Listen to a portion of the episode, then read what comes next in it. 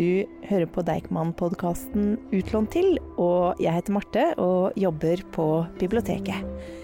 I dag så skal jeg møte lege og renessansemenneske Kaveh Rashidi til en skikkelig alvorsprat. Hei, god morgen. Hyggelig. Marte, Hyggelig. velkommen til eh, biblioteket, Kaveh. Tusen takk. Det er alltid hyggelig å komme hit. Det er også hyggelig å komme hit uten barn for en gangs skyld.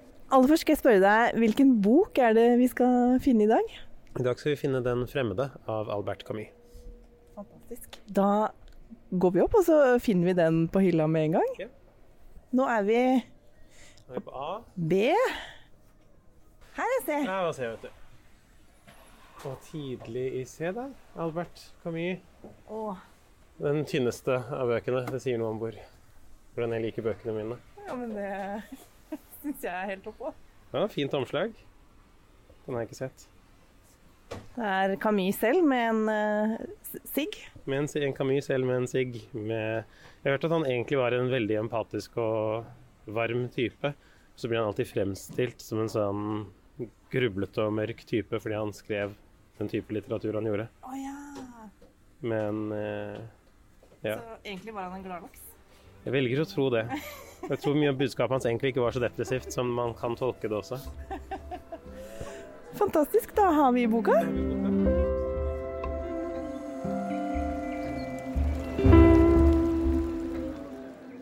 Hvorfor har du valgt deg Den fremmede? Jeg prøvde å finne en bok som hadde veldig mye mening for meg, da, eller som har betydd mye i uh, livet.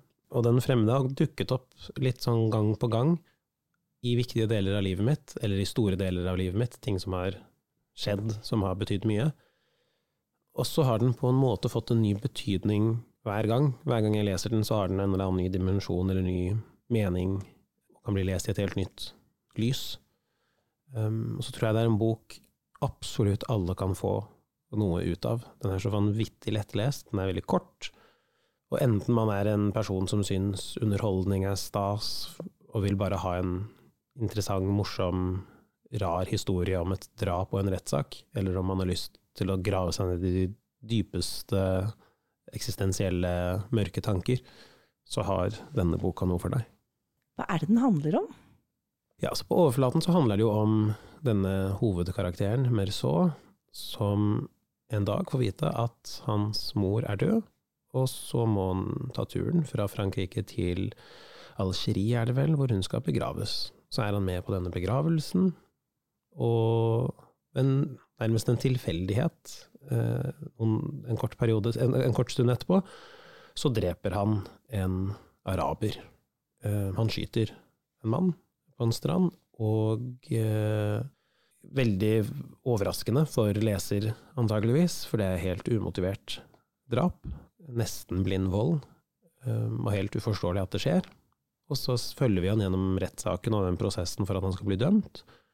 Og den rettssaken er vel så underlig og uforståelig, for han prøver ikke noe særlig å forsvare seg, han prøver ikke å forklare seg. Og så blir han dømt til døden. Og det er egentlig den reisen hans, fra han får vite at moren hans har dødd, til han selv øh, har blitt dømt og slår seg til ro med at han selv skal dø, som er bokas på en måte overfladiske handling. Da. Det går dårlig, kan vi si. Ja, det går, dårlig, det går dårlig hvis du bare tenker på at målet er å leve, så går det dårlig. Men han finner en ro til slutt. Han er jo ikke fornøyd før typ de siste to sidene, hvor han på en måte finner ut av skal man si, Han finner en slags indre ro.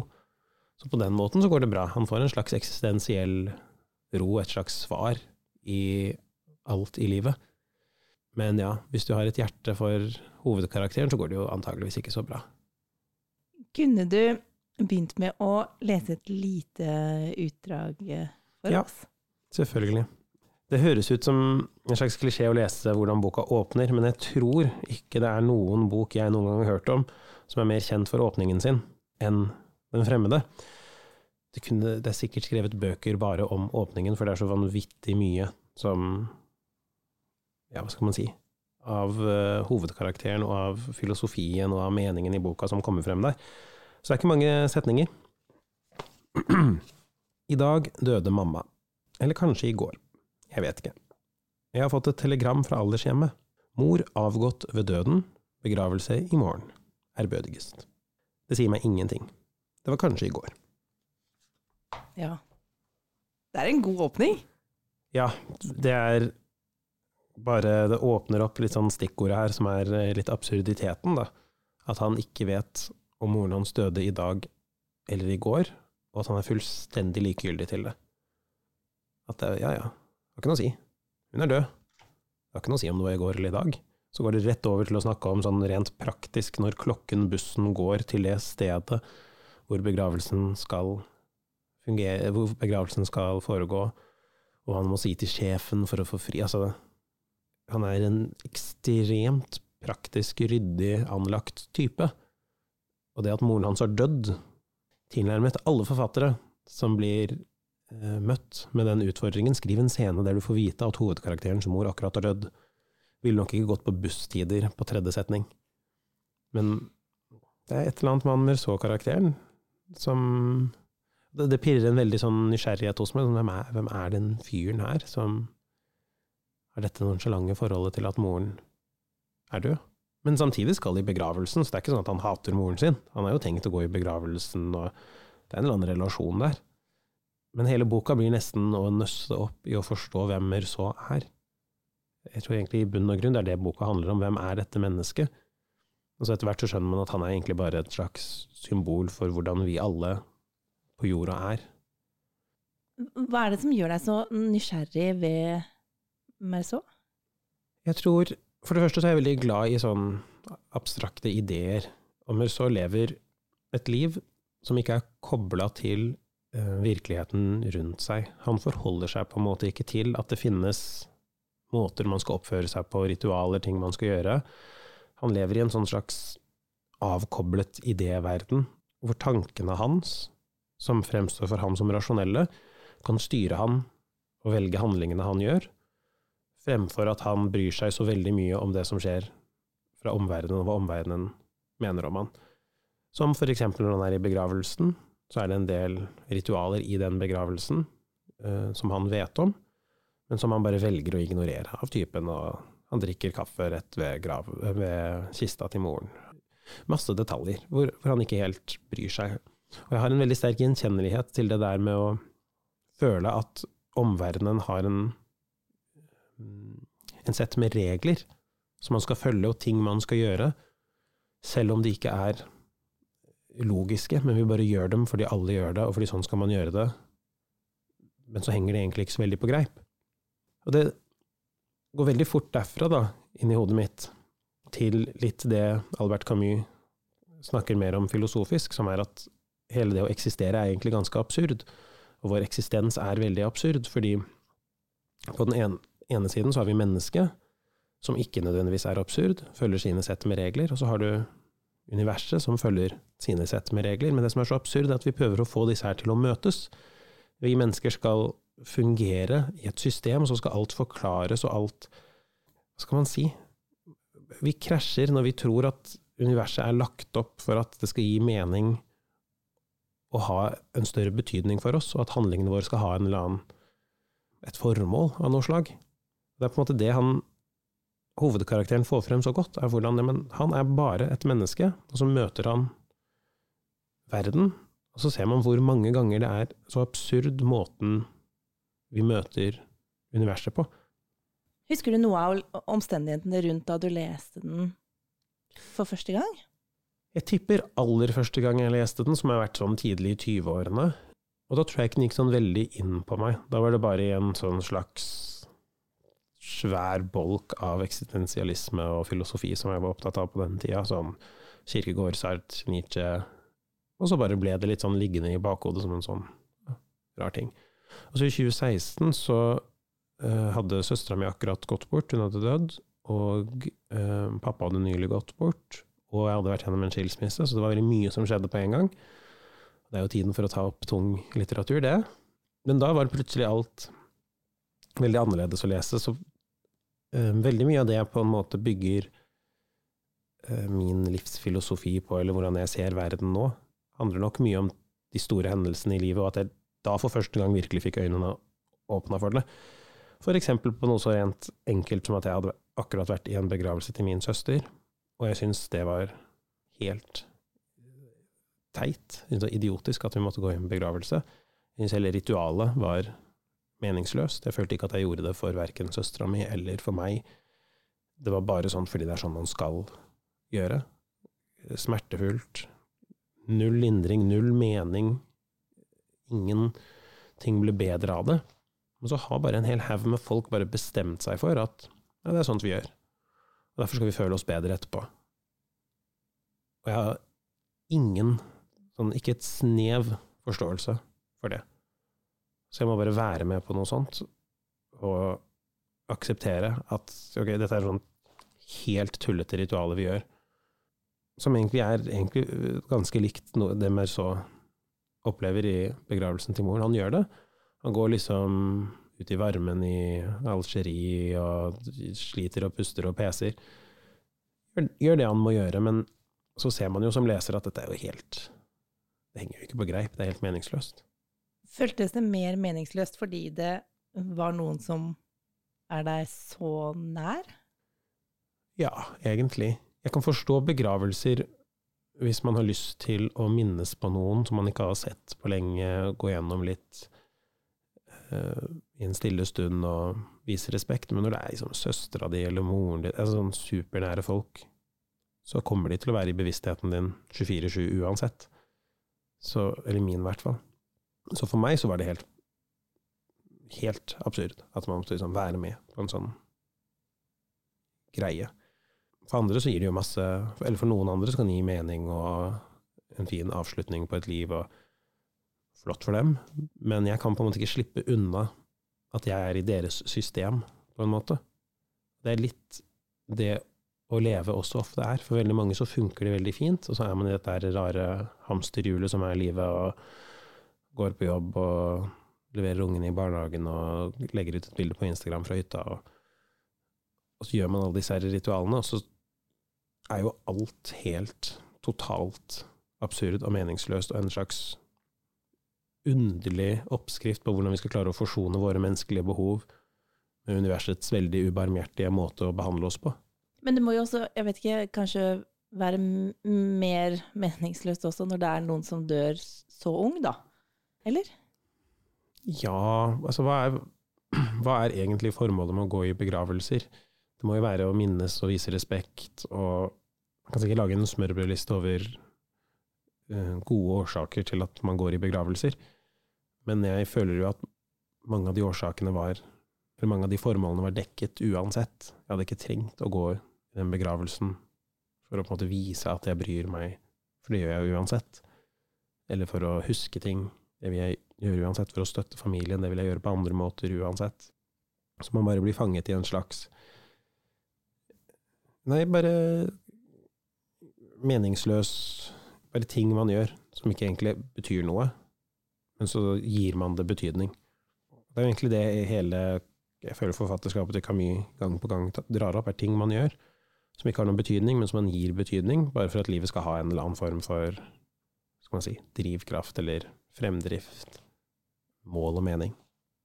Han har jo mye glede av den kaffen han drikker uh, i begravelsen. Ja, han har det. Og så har han også For han er jo et menneske til syvende og sist, og det også er en litt sånn gjenganger i Det er noen frempek til det her og der i Den fremmede også, at sansene hans, de er der fortsatt.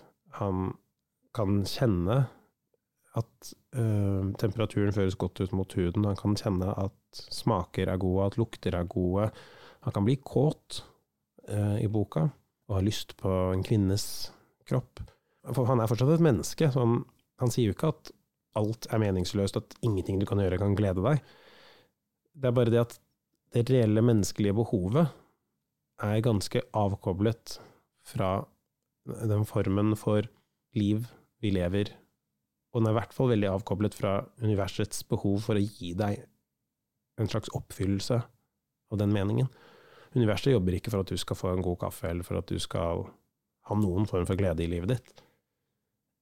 Så når, vi prøver å forene de to tingene, da, når et eller annet skjer som er veldig menneskelig, la oss si sånn som Merceau dreper noen på en strand. Og så skjer det motsatte.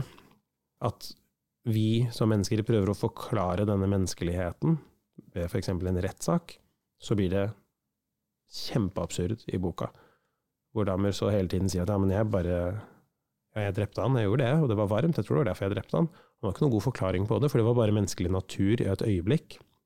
Så et rettsvesen som skal på en måte forklare dette menneskelige og finne ut er dette et godt menneske eller et ondt menneske, er dette Men alle disse begrepene er også veldig sånn Vi bare skaper dem for å lage et system. Så har ikke nødvendigvis det at en person drepte en annen person så mye mening. Det var bare en ting som skjedde. Jo mer jeg tenker på det, jo mer genialt syns jeg det der med den eh, rettssaken er. Altså denne som slags iscenesettelse av hans liv.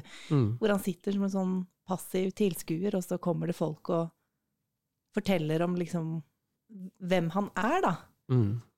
For det føler jeg egentlig er det livet er. Man er en passiv tilskuer, og så er det utallige mennesker rundt deg som setter opp regler og rammer og forståelser av hvem du er og hvordan du skal oppføre deg, og uh, hvordan du skal kle deg hvordan du skal te deg. Og, og så er, drukner egentlig et menneske helt bort i et større samfunn.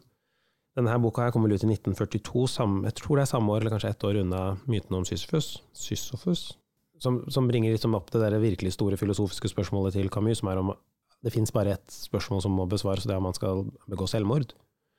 Og da snakker han ikke nødvendigvis bare om drepe seg selv selvmord, men også om en slags filosofisk selvmord, som handler om at man bare aksepterer og gir opp. Man bare blir en del av det absurde. Og det er jo det Merceau ikke gjør. Han blir ikke med på den leken. Han skaffer seg ikke en advokat og sier at ja, det var selvforsvar, araberen hadde en kniv som han Hadde han gjort det, og hadde han fremstilt seg selv som et godt og varmt menneske, så hadde han sikkert unngått dødsstraffen sin. Men det ville også da vært å begå selvmord, eller filosofisk selvmord. Da ville han ha begitt seg ut på disse her verdensløgnene som bare eksisterer, som bare handler om å ikke være kobla til realiteten, men å finne en eller annen forklaringsmodell som man mener gjør at verden ikke er absurd, at ja, alt stemmer jo, alt henger jo på greip. En annen type typisk filosofisk selvmord er jo å være religiøst troende, ville nok Camus ha sagt. Da er det ikke noe absurd lenger. Da dreper du egentlig fullstendig ideen om at ting er meningsløst, og at du bare er en verdiløs person som kommer til å bli glemt. For da har du en forklaringsmodell, du har en religion som forklarer at ting har mål og mening. Men jeg tror for en som Camus, og for en som meg, så er det like mye å drepe seg selv som å fysisk drepe seg selv, fordi du bare har fjernet deg fra verden og eksistensen. Det er litt sånn Det er ikke å løse problemet, da. Problemet er fortsatt der. Det er fortsatt en veldig, veldig stor manglende sammenkobling mellom våre behov og ønsker som mennesker, og hva universet ønsker å gi oss. Um, og da ender vi opp i den her absurde tilværelsen hvor vi prøver å få disse to tingene til å matche hverandre. Mot slutten så mm, har han besøk av en eh, fengselsprest, mm. og eh, han avviser eh, Gud. Mm. Hva tenker du om det?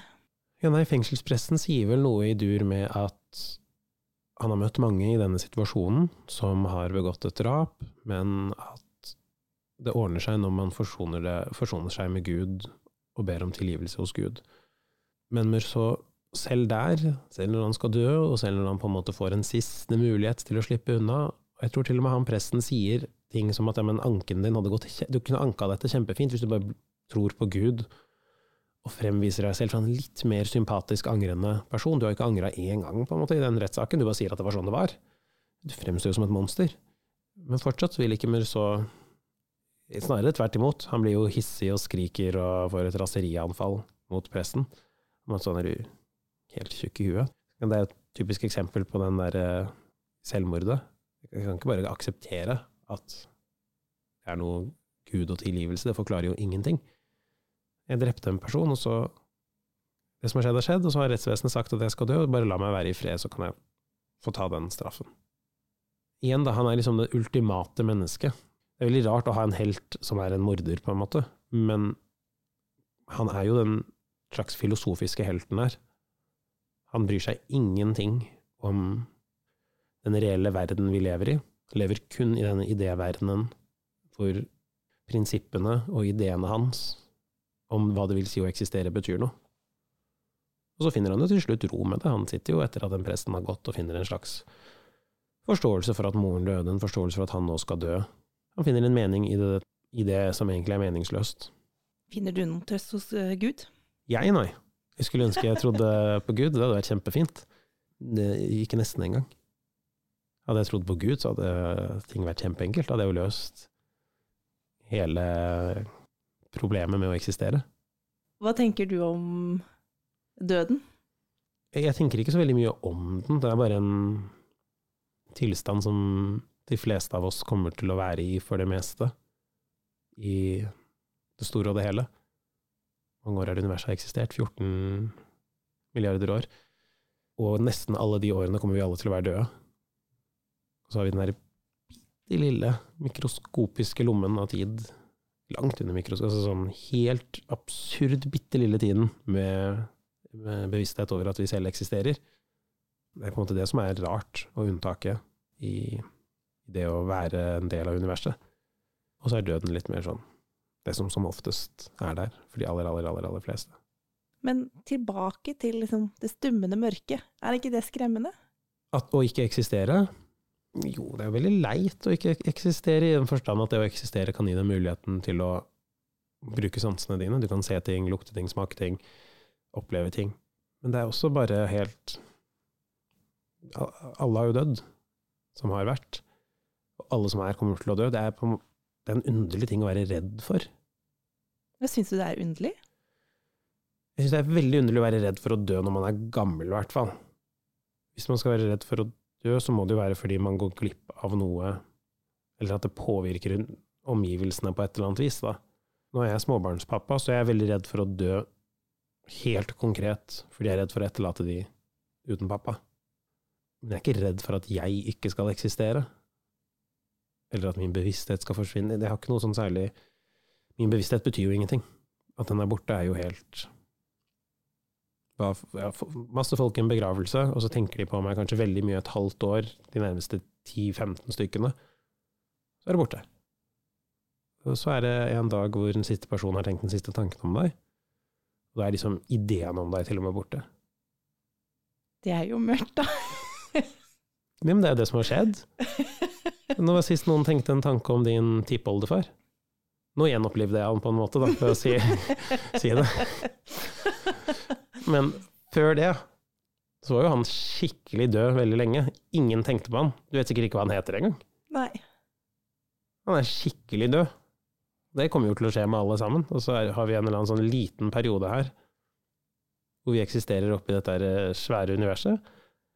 Um, og da er jeg litt fan av den Camus-måten å tenke på, at vi skal ikke lyve til oss selv og prøve å lage en eller annen mening som ikke eksisterer. Jeg syns jo de tingene jeg finner i livet, som gir meg litt mening, er fine å jobbe for. Og da gir det meg motivasjon til å gjøre noe. Og det handler veldig veldig mye stort sett om barna mine, for jeg, jeg føler bare at de fortjener å ha en fin oppvekst. At det er på en måte noe jeg skylder dem, siden jeg valgte å sette dem til verden. Og i det så også inngår det litt sånn klimagreier, og litt sånn passe på at fremtiden og verden ser bra ut for dem, eller gjøre det jeg kan for at det skal se bra ut for dem. Men når de flytter ut, altså når de blir 18-20 og flytter ut, da gjenstår det ingenting. Da kommer jeg bare til å gå inn i en jeg har, ikke, jeg har ingen anelse om det skal motivere meg til noe da, for det er ikke lenger en pappa som de egentlig har noe særlig behov for. Ikke i noen stor utstrekning, i hvert fall. Men er, er alt så meningsløst? Det spørs hva du kaller mening. Mening er en veldig subjektiv ting. Alt er objektivt meningsløst, med mindre det fins en større plan som vi er en del av, med mindre vi er en brikke i et puslespill som skal løses, så er alt meningsløst. Men altså, mening Det er veldig rart å skulle gi mening til atomer. Vi er bare brikker som følger naturens lover. Og så har vi tilfeldigvis fått bevissthet, som er ganske rart og usannsynlig. Men universet har jo eksistert såpass lenge og er såpass stort at noe ekstremt usannsynlig som at en art får bevissthet det kan skje. Og så er det litt sånn kronglete, da, den bevisstheten, for da begynner vi å stille sånne spørsmål som ja, men er alt meningsløst? Så vil de aller, aller fleste da gjøre det Camus ikke er glad i, å begå filosofisk selvmord og si nei, da, alt er ikke meningsløst. Naturen har jo mening, og livet har jo mening, og det handler jo om å glede seg selv og andre, og finne, de, finne gleden i en kopp caffè latte. Altså sånn. Man kan godt si sånne ting, og da går dagen bedre, det går raskere unna. Hvis det er liksom det som er å ha mening i livet, at tiden skal gå fort uten at man grubler på mørke ting, så kan man jo godt det. Men ideen av at alt er meningsløst, er ikke i seg selv en negativ eller en depressiv tanke. Det er bare sannheten. Problemet er at vi ikke liksom tar til takke med det. Vi vil, vi vil, så gjerne ha en mening, vi vil så gjerne ha en betydning på alt. Og da blir man jo ganske deppa hvis man legger lista der, og så blir man møtt med ja, universet er helt absurd og meningsløst. Så det kanskje bare legge ned lista. Når man spør har livet noe mening, så kan man kanskje si nei, men det går helt fint. Det trenger ikke å ha noe mening. Jeg kan skape en eller annen meningsløs mening ved det, og så kan jeg underholde meg selv med den meningen. Tenk på alle disse hendelsene som skjedde i livet ditt, med, mm. med liksom søsteren din som døde, faren som, din som døde, og eh, denne skilsmissen mm. som du gikk gjennom. Hva, hva, tror du det liksom bidro til? Jeg tror det bidro til at jeg um, fikk mye større fremvekst av sånne tanker som vi har, og ideer som vi har snakka om i dag, i hvert fall. Fordi frem til det så var det jo ikke så veldig mye motstand i livet, og da ble jeg aldri på en måte utfordret til å tenke over livet. Alt gikk liksom på skinner. Så alle de der store negative hendelsene i mitt liv har helt sikkert vært årsaken til at dette her greiene jeg har hatt ulmende inni meg, eller en slags sånn sårbarhet for mørke tanker, har fått muligheten til å vokse og gro. Som en psykolog kanskje ville sagt ikke er bra, det er sånne ting burde ikke vokse og gro helt ut av kontroll, men man kan ikke noe for det heller, det er bare sånn jeg tenker. Det er bare sånn jeg Det er på en måte den sannheten jeg har funnet i ting. Og du jobber jo som lege. Mm. Og da må du jo nødvendigvis være liksom nær på døden innimellom? Ja, ganske ofte. Hvordan er det? Pasienter dør, får dødsbeskjeder, jeg gir dødsbeskjeder. Jeg tror det er akkurat like jævlig for meg å møte døden som for noen som helst andre. Eh, vi har pasienter hvor jeg vet at det kommer til å bli ekstremt tungt å snakke med dem, så jeg må ha god tid i forkant, og etterpå så sitter jeg og gråter alene på kontoret fordi jeg syns dette var altfor, altfor, altfor, altfor tungt. Sånn er vi skrudd sammen. Døden påvirker oss. Men de gangene jeg har vært med på sånne ordentlig tragiske historier, så er det helt ubeskrivelig kjipt og vondt. Og sånne pasienter og sånne pasienthistorier blir alltid med meg. Og for å fullstendig motsi alt jeg har sagt så langt Noen ganger når jeg har spesifikke pasienter som jeg kjenner og har kjent, og kjenner familien over lang tid, så syns jeg noe av det fineste jeg gjør, eller for meg selv, noe av det viktigste for meg for å klare å være lege, er å gå i begravelsene deres. Og det er nesten, Jeg skal ikke si jeg gleder meg til begravelse, det høres helt tullete ut, men jeg kunne nesten ikke ha klart å ha den pasientrelasjonen hvis ikke jeg visste at jeg kan få lov til å komme i begravelsen, fordi av en eller annen grunn så føler jeg i de settingene at jeg trenger en eller annen sånn arena for å være ikke-lege, men å bare være den pårørende eller personen som bryr seg. Og da føles det ikke rart med de Nei, da føles det ikke rart. Da føles det veldig, veldig, veldig fint å kunne være der. Da er jo rollen veldig annerledes. Da er det liksom bakerste rad, ingen vet hvem du er og kanskje på et vis mer egoistisk. Jeg er jo der da utelukkende for meg selv. Det er ikke sånn at familien bryr seg om fastlegen til en pasient er der. Det er jo helt siste person i verden man bryr seg om. Men for egen del så er det sånn Man kunne reist veldig langt og brukt veldig mye tid og energi for å være i begravelsen til spesifikke eh, pasienter. Det er jo spennende, den forskjellen, da. Mm, jeg har egentlig ikke tenkt på det før, at blant nære så har jeg ikke noe behov for det. Men hvis ikke så har jeg ikke tid til å tenke på alle de andre som dør. Med familien så trenger jeg ikke en begravelse fordi de vil alltid være i bevisstheten min. Mens med pasienter så er det et eller annet med at jeg har lyst til å bare tre litt inn i rollen som medmenneske, og ikke bare en lege. Hadde du et lite stykke til som du ville lese for oss? Ja, jeg tenkte vi kunne, uh, i den grad det eksisterer noe positivt i denne boka her, så kan, tenkte jeg kanskje vi kunne avslutte med avslutningen. Da finner jo Camille ut til slutt, da, eller mer så, hva som skal til for at han skal føle seg litt bedre og ikke være så ensom. For at alt kunne fullbyrdes, for at jeg skulle føle meg mindre ensom, gjensto det bare å ønske at det kom mange tilskuere den dagen jeg skulle henrettes, og at de ville ta imot meg med hatefulle rop. Så det som gjør Merceau mindre ensom, er at det skal stå folk og rope hatefullt til ham? Det er han i hvert fall ikke alene. En eh, støtte inn i døden? Ja, og en slags idé om at din eksistens i hvert fall har satt noen spor, at du har vært en del av dette universet. Noen atomer som har betydd mer enn f.eks. de atomene som er i et tre som forvitrer, og det treet som var blant tusen i skog, en skog, er det jo ingen som bryr seg om. Boken heter jo Den fremmede. Mm. Og da er det jo lett å tenke at Marceau går liksom rundt og er den fremmede i verden. Føler du deg noen gang som den fremmede?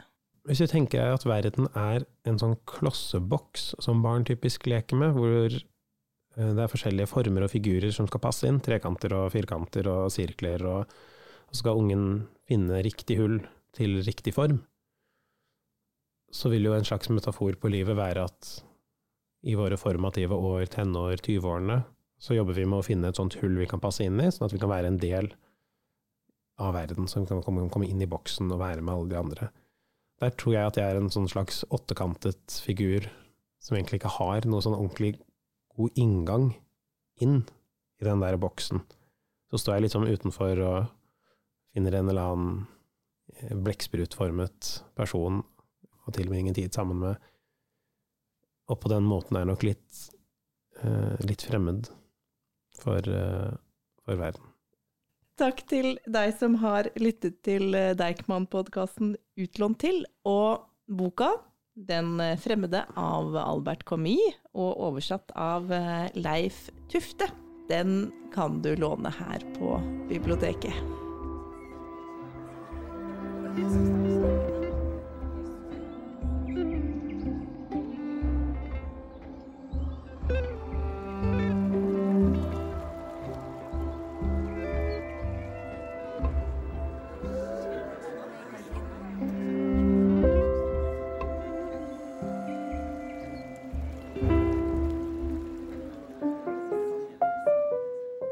Dette er en podkast fra Deichman, hele Oslos folkebibliotek.